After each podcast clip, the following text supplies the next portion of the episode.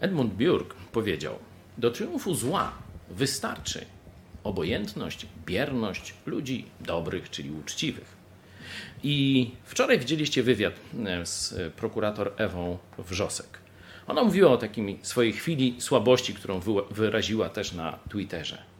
Miała żal, że ludzie uczciwi, także czy głównie z tych kręgów prawniczych, nie stanęli przy niej w chwili potrzeby, w chwili próby, tylko kibicowali z daleka albo jeszcze wręcz e, robili jakieś złośliwości czy popierali złą stronę.